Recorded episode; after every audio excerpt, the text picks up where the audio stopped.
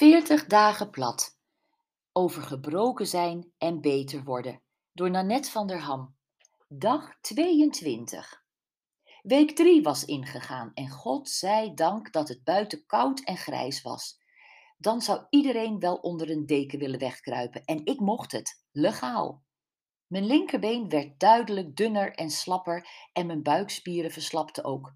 Ineens was mijn lichaam echt het lijf van een 55-jarige vrouw, zoals die er in de vorige eeuw uitzag. Slap, sloom en met het looprekje voor mijn neus leek ik zelfs wel honderd.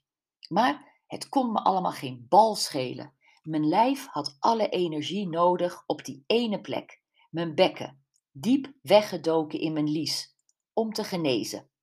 Logisch dat dat ten koste ging van de rest.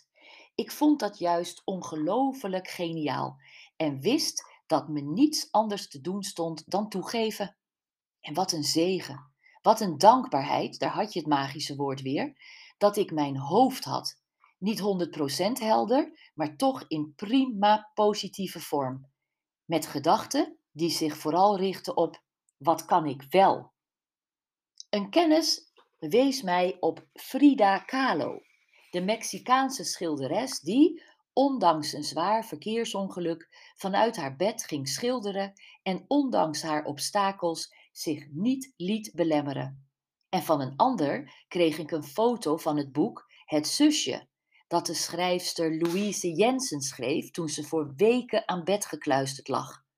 Johan Cruijff zou gezegd hebben: elk nadeel heb zijn voordeel.